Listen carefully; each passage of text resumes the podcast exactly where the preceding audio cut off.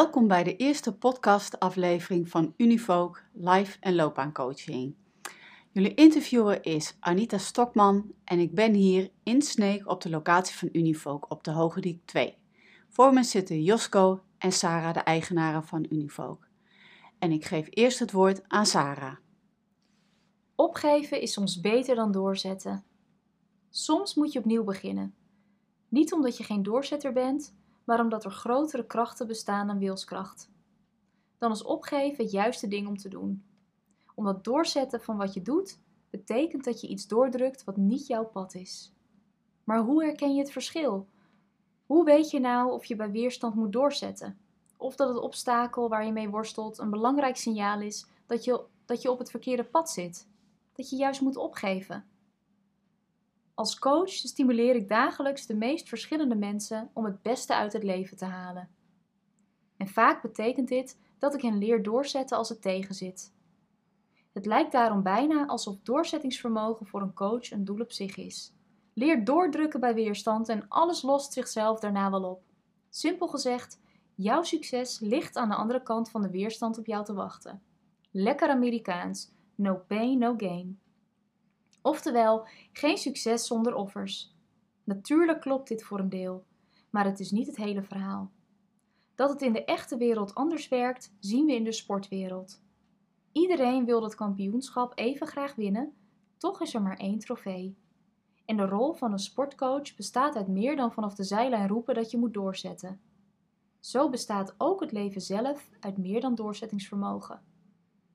Voor een betekenisvol leven zul je, voorafgaand aan iedere wedstrijd, ook een strategisch pad moeten bewandelen. Anders is doorzettingsvermogen niet meer dan een trucje. En vroeg of laat loop je tegen een tegenstander aan die wel zijn diepste drijfveren verwezenlijkt in de wedstrijd. Maar hoe weet je nou of je op het juiste pad zit? Of je nu de wedstrijd speelt die je zou moeten spelen? Of dat je maar wat aanrommelt, omdat je werk, je vrienden, je partner en misschien wel je leven niet datgene is dat in jou het beste naar boven laat komen. Hoe weet je nu of je niet bezig bent een trucje op te voeren en iedereen, inclusief jezelf, voor de gek houdt? Gewoon omdat je het gewend bent iedere dag hetzelfde acteerspel op te voeren. Mooie tekst, uh, Sarah. Uh, in plaats van doorzetten moet je soms opgeven om je echte pad te volgen. Um, Kun je daar iets uh, meer over vertellen? Is dat bij jou wel eens uh, gebeurd in je leven? Ja, ja dat is zeker. Uh, dat is mij overkomen. Um, ik heb mijn baan opgezegd destijds toen ik in loondienst was. was. Het veilige pad. Um, ik was burn-out geraakt. En ik dacht, ja, ik word hier gewoon doodongelukkig van. Dit is gewoon niet wie ik ben en ik kan het heel erg goed. Maar ik, ik vind het gewoon niet leuk meer. En wat heb je vervolgens gedaan? Ik, je hebt je eh, baan opgezegd in ieder geval. Uh, klopt. En toen? Ja. Nou ja, op dat moment was uh, Josco al begonnen. freelance in het onderwijs, zo is Univo ook als bedrijf ook ontstaan. Um, en toen heb ik besloten om, um, um, we deden daar persoonsvormende trajecten met jongeren. En ik was maatschappelijk werker en dat paste heel goed binnen dat project. En zo ben ik langzaamaan met hem mee gaan werken. Um, zo is eigenlijk het balletje gaan rollen. Nou, mooi. Dus het is niet alleen theorie, maar je hebt dit verhaal ook zelf al geleefd, deels. Klopt, ja. Ja. En Jasko, voor jou? Nou, ik denk dat het eigenlijk constant een soort uh, zoeken is naar het juiste pad. Want wanneer is iets nou meant to be, om het in goed Nederlands te zeggen. En wanneer is het een dwaalspoor? Ja, dat, is, dat, dat, dat, dat blijft gewoon een lastige. Het is niet iets uh, wat bij mij als een soort uh, uh, eenmalig iets is, maar voor mij is het denk ik wel een constant zoeken naar wat, wat het juiste pad is. Om iets over mijn achtergrond te zeggen, zodat de luisteraars een beeld hebben. Ik heb een theologiestudie gedaan. Ik werk niet in een kerk. ik had ook in het onderwijs terecht kunnen, kunnen komen. Ook daar ben ik niet werkzaam. Dan zou je kunnen zeggen, is dat uh, een, een, dwaalspoor geweest? Een lichtje in het moeras uh, waar je achteraan bent gegaan en een uh, aantal jaren aan gespendeerd hebt zonder dat dat je pad was? Dat weet ik niet. Ik denk dat het eigenlijk constant wel... Ik, ik, zie Sarah knikken. Ja, klopt. Nou, ik ben het met je eens. Weet je, dat is wel in het begin hoe ik er naar keek. Dat je denkt, oh, potverdorie, en waarom heb ik dat nou gedaan? En is het niet zonde geweest? En is het geen tijdverspilling geweest? En had ik niet beter zus of had ik niet beter zo? Maar dat is juist helemaal niet waar. Dat kan ik nu eigenlijk wel, wel zeggen. Dat ehm, je hebt... Ik, ha, ik zelf had die gebeurtenis ook nodig om te kunnen staan waar ik nu sta. Ja, ja. het is een constant proces. Ik bedoel, we, uh, afgelopen zomer hebben we een punt gezet achter uh, onze aandeel in een internetbedrijf. En de internetwereld aan zich is heel dynamisch. Je kan er ontzettend veel van leren. met Anita heb ik toevallig laatst gehad, toen we deze podcast aan het voorbereiden waren, over het incrementeel en het iteratief werken. Vanuit Silicon Valley komt het besef over waar je dat eigenlijk een product nooit af is, maar constant in wording. Dit betekent dat je eigenlijk ook bij de eindgebruiker te raden zou moeten gaan over hoe iets eruit zou moeten zien. En dat het vandaag ook anders kan zijn dan gisteren verwacht werd. En morgen misschien weer anders is. Dus dat stukje uh, uh, van aanrommelen en zoeken wat het juiste pad is, dat is wel iets wat steeds terugkomt. Het is een uh, dynamisch proces eigenlijk. Zo is dat in het echte leven. En zo is het natuurlijk ook met een, met een, met een bedrijf of met bepaalde keuzes die je maakt. Ja. Ik weet niet of je het zelf ook uit je eigen leven herkent. Ja, dat eh, herken ik ook. Ik heb er acht jaar een praktijk gehad als solist, terwijl ik eigenlijk veel meer een teamplayer ben. Maar ik had nu eenmaal die praktijk in uh, Caesar-therapie. En ik wilde doorzetten, ik wilde bewijzen dat ik het kon. En uiteindelijk ben ik toch gestopt, omdat ik gewoon als solist niet goed uit de verf kom. En ik er eigenlijk doodongelukkig van werd. Dus ik ben gestopt en uh, inmiddels zijn er alweer andere dingen op mijn pad gekomen waarvan ik nu weet van, oh, dat had ik gewoon eerder moeten doen. Maar als doorzetter ben ik ook te lang doorgegaan. Dus ik herken dat wel. Ja. soms moet je een, zeggen ze, een boek, het ene boek sluiten voordat het volgende open kan. Nou ja, gelukkig doen we als uh, live- en loopbaancoaches, net zoals een coach in de sportwereld dat doet, gewoon meer dan jou leren doorzetten het, er is meer dan doorzettingsvermogen. Ik denk dat dat Sarah ook met de opening van vandaag uh, probeerde aan te geven. Je moet soms eerst een paar stappen terug doen om uh, het hele plaatje te zien. En je hebt toch een stukje overzicht nodig om inzicht te krijgen. En hoe relateert deze tekst naar jullie uh, bedrijf, Unifolk? Ik denk dat het ook constant in wording is. Het is nooit af in die zin. Ik, ik geloof ook niet dat bedrijven die af zijn op het juiste pad zitten. Ik bedoel, er zijn tal van voorbeelden. Kijk naar Sony, die maakte Walkmans. En, en uh, ze hebben die Walkman waarschijnlijk uh, eindeloos geoptimaliseerd. Tot ze bij een uh, CD-speler, Discman heette die denk ik. Het is alweer even ja, geleden. Joh. Ik word morgen 43, dus ik heb, ik heb de, de Discman nog goed meegemaakt. Maar even om aan te geven, Sony ging ervan uit dat het natuurlijk op een gegeven moment af was. En dat je het verder kunt optimaliseren. Maar ik denk niet dat zij bij hen het besef leefde dat iets constant in wording is. En dat het morgen anders kan zijn dan vandaag. En eh, een dynamisch bedrijf zoals Apple staat er heel anders in. Ik denk dat die wel dat Silicon Valley gevoel heel duidelijk tentoonspreiden. Waarbij iets nooit af is, nooit perfect, maar constant wordende. Constant eigenlijk balanceren tussen de dwaallichtjes in het moeras en, en, het juiste pad zoeken. Maar dat doet soms wel pijn om uh, zeg maar op je schreden terug te keren en te beseffen en, en, toe te geven dat je het mis had. Nou, is een coachingsbedrijf. Mm Ehm, dit zijn wat ervaringen uit jullie eigen leven, wat je eigenlijk al voorleeft. En, en hoe, hoe, uh, hoe werkt Univook dan met zijn cliënten? Ja, op, op dezelfde manier. Uh, heel erg vanuit, um, vanuit menselijkheid. En um, ik wil juist heel erg ook laten zien dat het enige wat je hebt het proces is. En, en dat dat ook uh, veel gaver is. Want als je er bent, is gewoon, dat is gewoon oerzaai. en dan ga je volgens mij dood. Nee, maar nee, nee, nee, dat is niet wat ik wil zeggen. Nee, maar, en, maar weet je, je ziet wel um, eigenlijk leren. En dat is best wel moeilijk. Want mensen willen doorzetten. En mensen willen vooruitkomen. Ze hebben een probleem. Daar willen ze de oplossing van hebben. Maar wat je dan eigenlijk moet doen, is eerst even een stapje terug doen. Om dat overzicht te krijgen. Hé, hey, uh, wat gebeurt er eigenlijk? Um, kijk, ik geloof wel heel erg in dat je. Um, het is een soort spanningsboog tussen doelgericht doorzetten en uh, het vermogen kunnen opdragen, zeg maar. Uh, je moet gewoon, het is ook, je moet ook geduld opbrengen. Weet je wat het denk ik is, uh, Anita?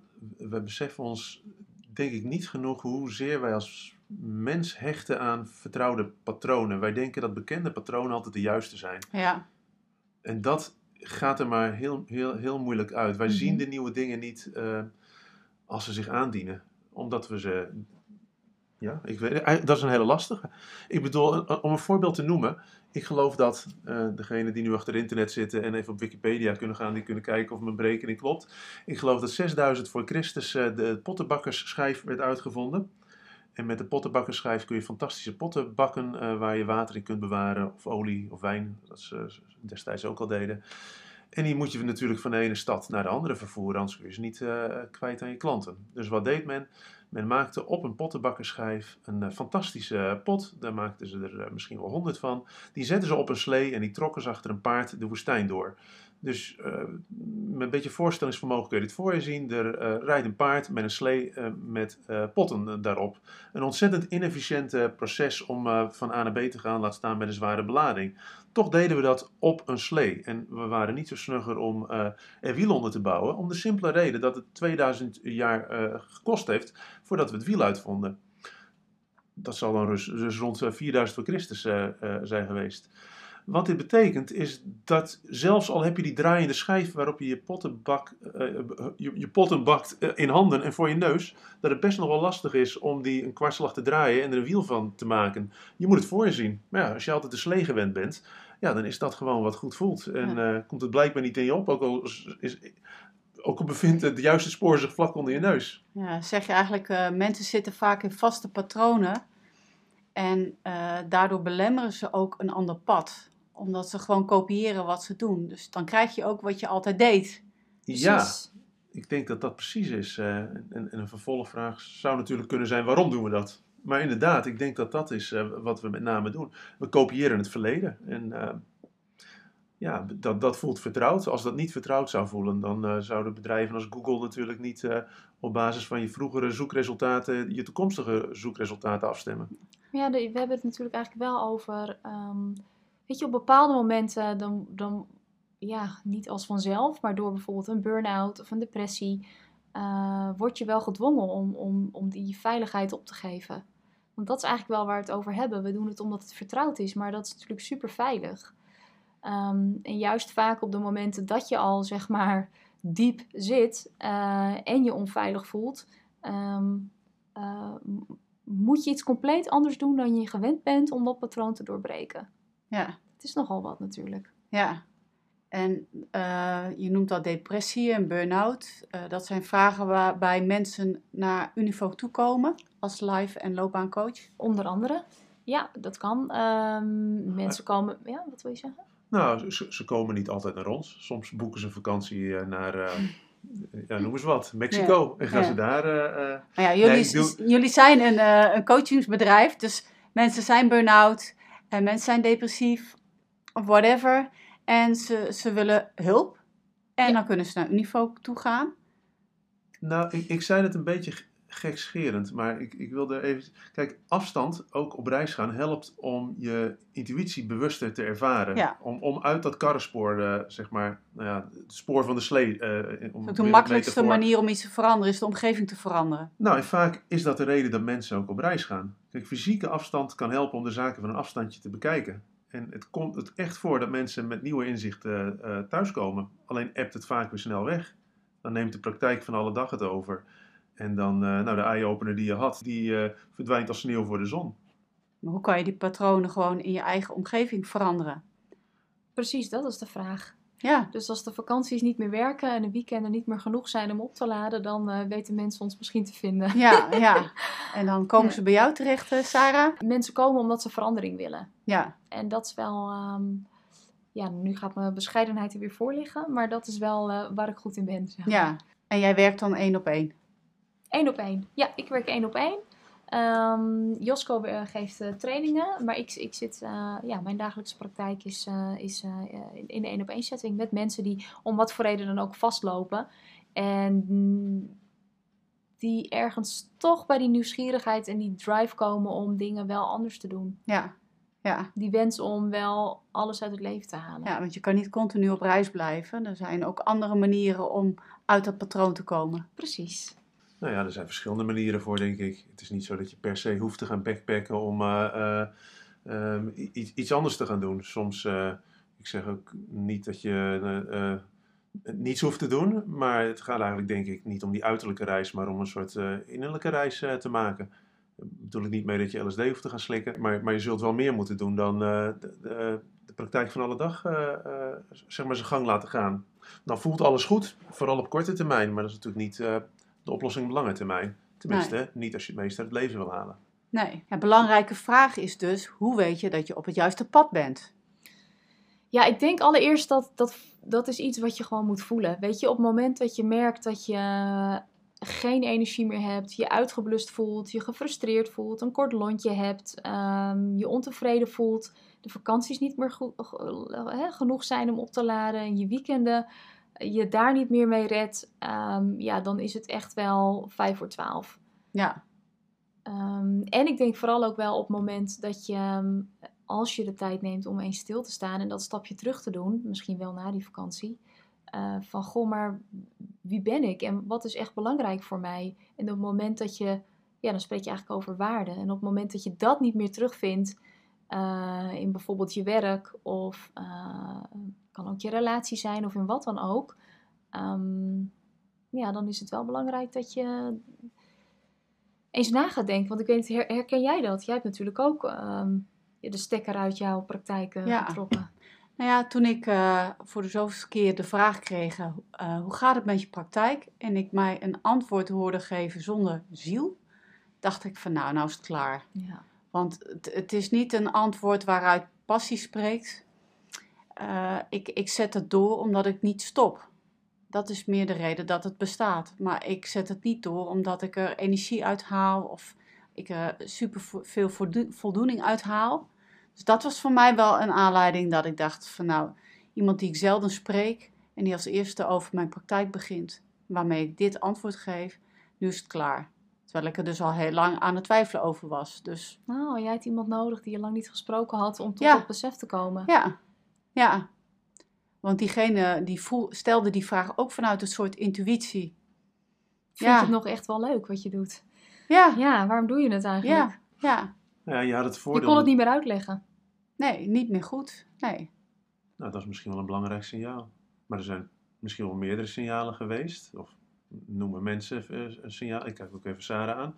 Want jij maakt ma- dagelijks mee natuurlijk dat mensen besluiten om ergens een punt achter te zetten. Nou ja, eigenlijk iedereen die voelt dat wel. Het probleem is alleen, en juist bij die enorme doorzetters, dat je, je eh, het, het is er wel. En je voelt het al. Hè? Je, je, je, je voelt het soms in je, in je lijf, maar je gaat maar door en je gaat maar door. Omdat je denkt dat het moet, omdat het zo hoort, omdat je het altijd al deed, omdat je niet weet waar je moet beginnen. Ehm, maar inderdaad, je, hey, jij noemt het woord passie. En dat is natuurlijk wel heel belangrijk. Want op het moment dat je goed zit, dan kun je gewoon vanuit je hart spreken. En dan stroomt het en dan geeft het energie in plaats van dat het energie kost. Eh, wat niet wil zeggen dat je geen eh, lastige momenten natuurlijk hebt. Hè. Als ik bijvoorbeeld kijk naar mijn eigen bedrijf. Ja, ik vind het ook niet altijd even leuk. Ehm, maar overal, zeg maar, eh, kan ik wel echt vanuit mijn hart en vanuit een stukje oprechtheid praten. En ik denk dat dat is ook wat, wat ik zie, wat er bij cliënten gebeurt. Op het moment dat ze weer wel, ehm, ja, dat juiste spoortje te pakken hebben. Ja, ja. En hoe, hoe zit het voor jou? Want jij bent nu gestopt. Kan, heb jij, ervaar jij nu passie? Ik heb de praktijk zoals ik hem draaide geen seconde gemist. Dus dat zegt eigenlijk al iets. genoeg. Ja. En mijn andere werkzaamheden als trainingsacteur, dat eh, vind ik superleuk. Ik werk nu op een groepspraktijk in Franeker eh, op dit moment. Is ook een hele andere setting, eh, wat veel gezelliger is. Ik merk dat daardoor eh, het Cesarwerk ook al in een ander daglicht komt te staan. Dus ja, die veranderingen eh, eh, zijn alleen maar positief geweest. Wat dat Goed. betreft. Ja, Nou, je had natuurlijk het voordeel dat je ehm, eigen baas was natuurlijk. Dat Ja. je niet eh, collega's afviel. Om die sportmetafoor nog een keer aan te halen. Als je halverwege het seizoen de stekker eruit trekt en je laat het team in de steek. Dan heeft het natuurlijk een andere... eh, ehm, ja, dan is het misschien een ingewikkeldere beslissing dan eh, helemaal Mhm. als het over doorzetters gaat. Dan rationaliseer je dat gevoel natuurlijk Ja. weg. En bij sommige mensen is het natuurlijk ook gewoon dat er brood op de plank moet komen. Ja. En dat ze gewoon werk hebben. En, en ja, ze hebben dat inkomen nodig. Eh, nou, dan is het ook niet altijd makkelijk om te veranderen. Zeker. Dan was dat niet bij mijn geval, maar ja, ik ken genoeg mensen die daarom gewoon hun werk doen en dan zorgen dat ze de passie wel uit hobby's halen of andere dingen. Mhm.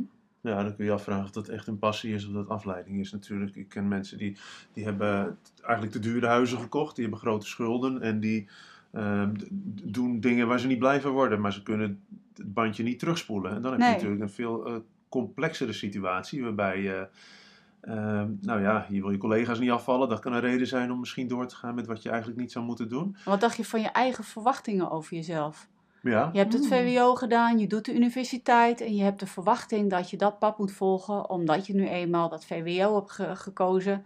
Terwijl je misschien wel liever, ik noem maar wat, ehm banketbakker wil worden of eh, eh, dierenartsassistent of een eigen koffiezaak, noem maar op. Nou ja, het is deels herkenbaar natuurlijk, want eh, je begint niet met een theologiestudie omdat je, ik had verwacht dat ik in het pastoraat terecht zou komen en dat is uiteindelijk niet het geval gebleken.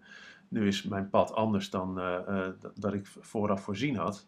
Maar dat is Ja. wel een mooie, want waar, om er even op aan te haken, waar het eigenlijk om gaat, en dat is, dat is hoe we niet denken, maar je moet flexibel zijn. Ja, Je moet aanpakken wat je geboden wordt. Hè? Dat is Ja. vanuit, vanuit ACT ook zo mooi eh, waar, waar ik mee werk. ACT is de methode, De methode waar ik mee die werk, Univo ja. eh, gebruikt in de coaching. en waar staat het voor? ACT? Eh, ACT staat voor Acceptance and Commitment Therapy. Dus dat is eigenlijk een vorm van gedragstherapie, die anders dan een cognitief gedragstherapie. Daar ga je toch wel anders denken, hè? vanuit meer eh, als je belemmerende overtuiging hebt, die ga je proberen om te buigen naar helpende gedachten. Eh, of, eh, ja. En bij ACT doe je dat eigenlijk niet. Hè, die gaat wel kijken wat belemmert jou dan. Eh, goed, dat moeten we weten. Eh, en die mag je gewoon hebben, want je bent mens. En wij geloven dat je dat verstand van jou toch niet kan controleren. Dus eh, je accepteert je belemmerende gedachten en kijkt daarnaast wat er nog meer is en richt je daarop. Klopt, ja, je gaat echt, ehm, je, je, je om, inderdaad, je omarmt die negatieve gedachten. Ehm, die je die, en die moet je ook omarmen, omdat, ehm, oh, er lopen nu net wat mensen langs, dus ik raak een beetje afgeleid, maar dat maakt niet uit, we gaan vrolijk verder. Eh, omdat die jou ook de, de juiste richting opwijzen. En dat is wel anders dan, vind ik in ieder geval, eh, eh, dan bijvoorbeeld de cognitieve gedragstherapie. Dan probeer je die overtuigingen te vervangen. Terwijl ik denk, nee, die negatieve gedachten, die wijzen jou een bepaalde richting op. Ja. Want op het moment dat je heel tevreden bent, heb je ze niet. Ja. Dus als jij heel veel negatief denkt of negatieve gevoelens ervaart, of zelfs depressief bent, dan betekent het dus kennelijk dat, dat er dingen afwezig zijn in jouw leven die zo belangrijk zijn dat je er bijvoorbeeld somber van wordt.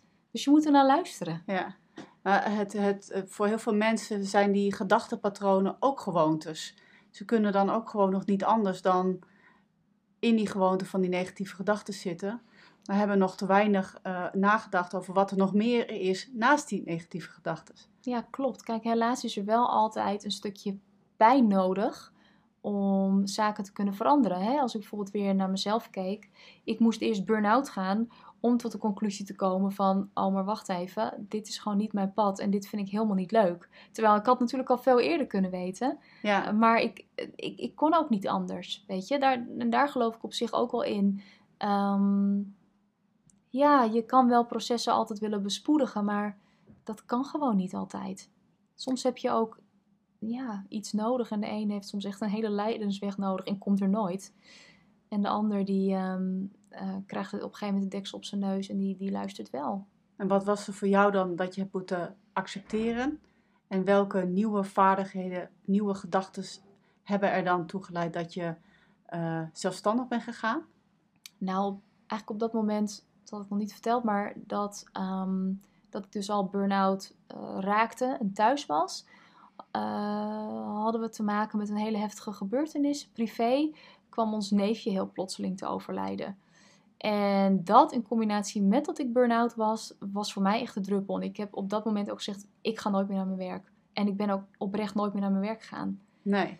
Dus ja, dat was ook een soort van invloed van buitenaf. Wat maakte dat ik eh, het besloot om het over een andere boeg te gooien. Want als doorzetter, ja, ren ik mijn eigen gevoel natuurlijk ook wel eens voorbij. Hè? Ja, ja, ja, ja. En, en welke nieuwe gedachten hebben dan geleid tot, dat, tot Unifolk? Oh, dat is wel, ja, hoe is dat gegaan? Ja, dat is ook wel een heel organisch proces natuurlijk eh, gegaan. Het is ook niet, niet iets wat ik heb uitgedacht. Eigenlijk is dat heel erg, oh, dat is op zich wel mooi, want ehm, ik ben gaan kijken naar wie ben ik en wat kan ik en wat wil ik. En eh, ik wist wel dat die vrijheid voor mij heel erg belangrijk en nodig was. En dat maakte wel dat ik dat, ehm, die, zelf, die weg van zelfstandigheid en dat ondernemerschap wilde bewandelen. Hè? Gewoon vrijheid in, in alles, in mijn tijd kunnen indelen, maar ook um, vanuit mijn eigen concepten kunnen werken, omdat ik daar Ja. ook altijd heel erg tegenaan liep. Ehm, even kijken, wat was je vraag ook weer? Nou, welke nieuwe gedachten? Want je, je, je, je omarmt het negatieve en je ehm, kijkt naar nieuwe gedachten om tot ander gedrag te komen.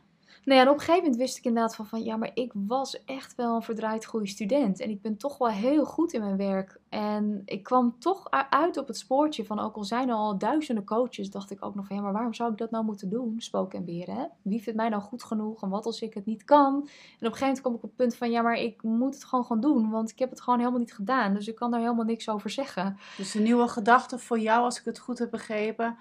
Ik ben een goede coach en ik kan dat prima zelfstandig.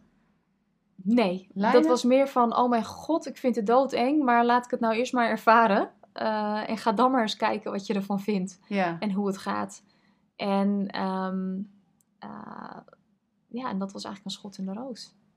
want hoe lang ben je nu zelfstandig? Vijf jaar. Vijf jaar.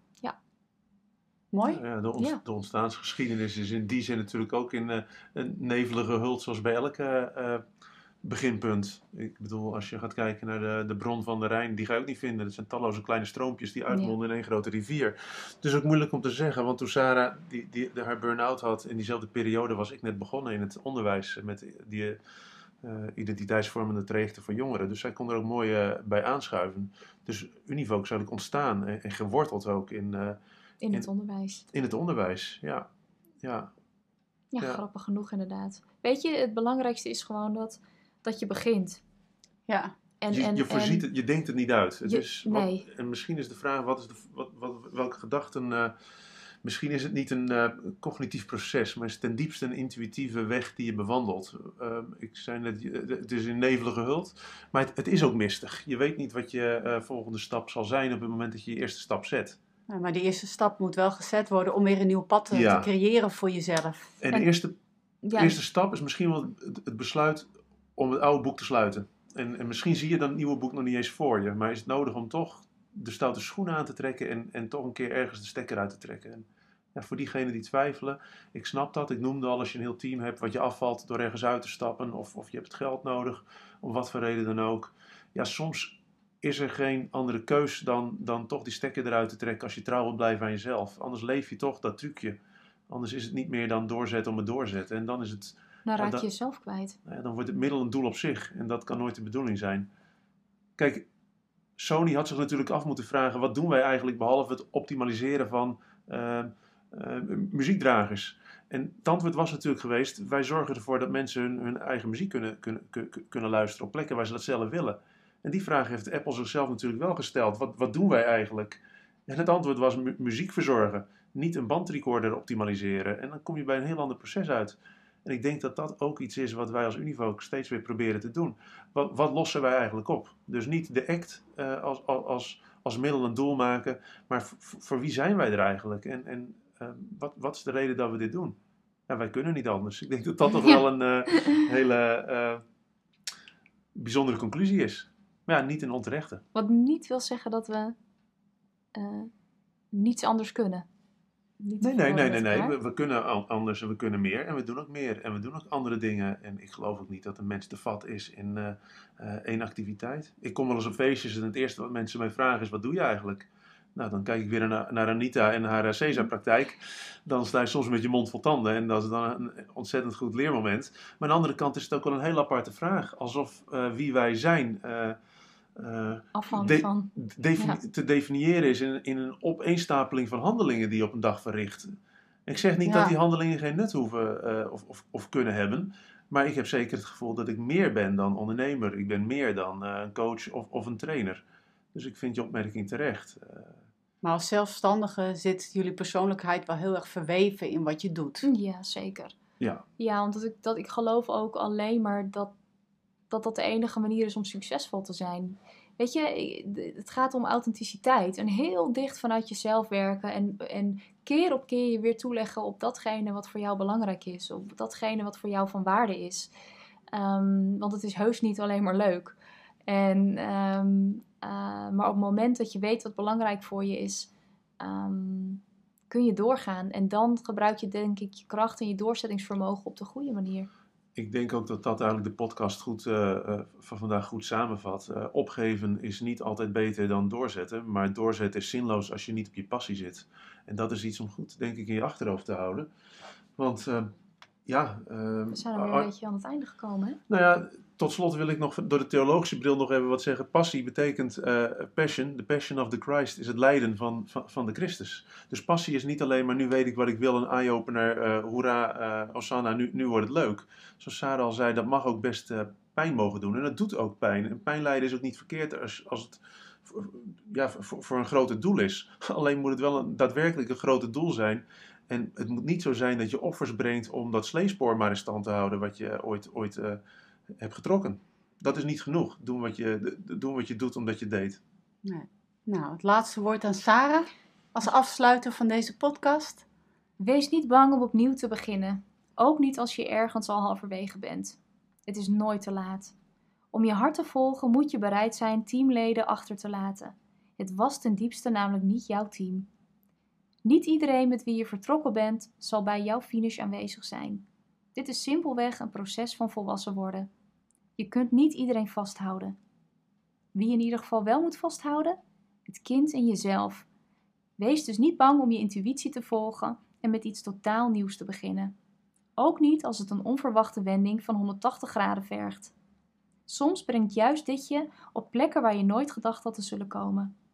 Als je ook maar een klein beginnetje voor je kunt zien, is het de moeite waard om te proberen. Wees niet bang. Soms komen dromen uit op die plekken waar je het het minst had verwacht. Nou, dit waren wijze laatste woorden. Bedankt Sarah en Josko. Ja, jij ook eh, Ja, bedankt, bedankt, Anita voor je komst. Ja. En de luisteraars eh, en de natuurlijk. luisteraars bedankt. Ja, voor iedereen die eh, naar deze podcast heeft geluisterd. Graag tot de volgende keer.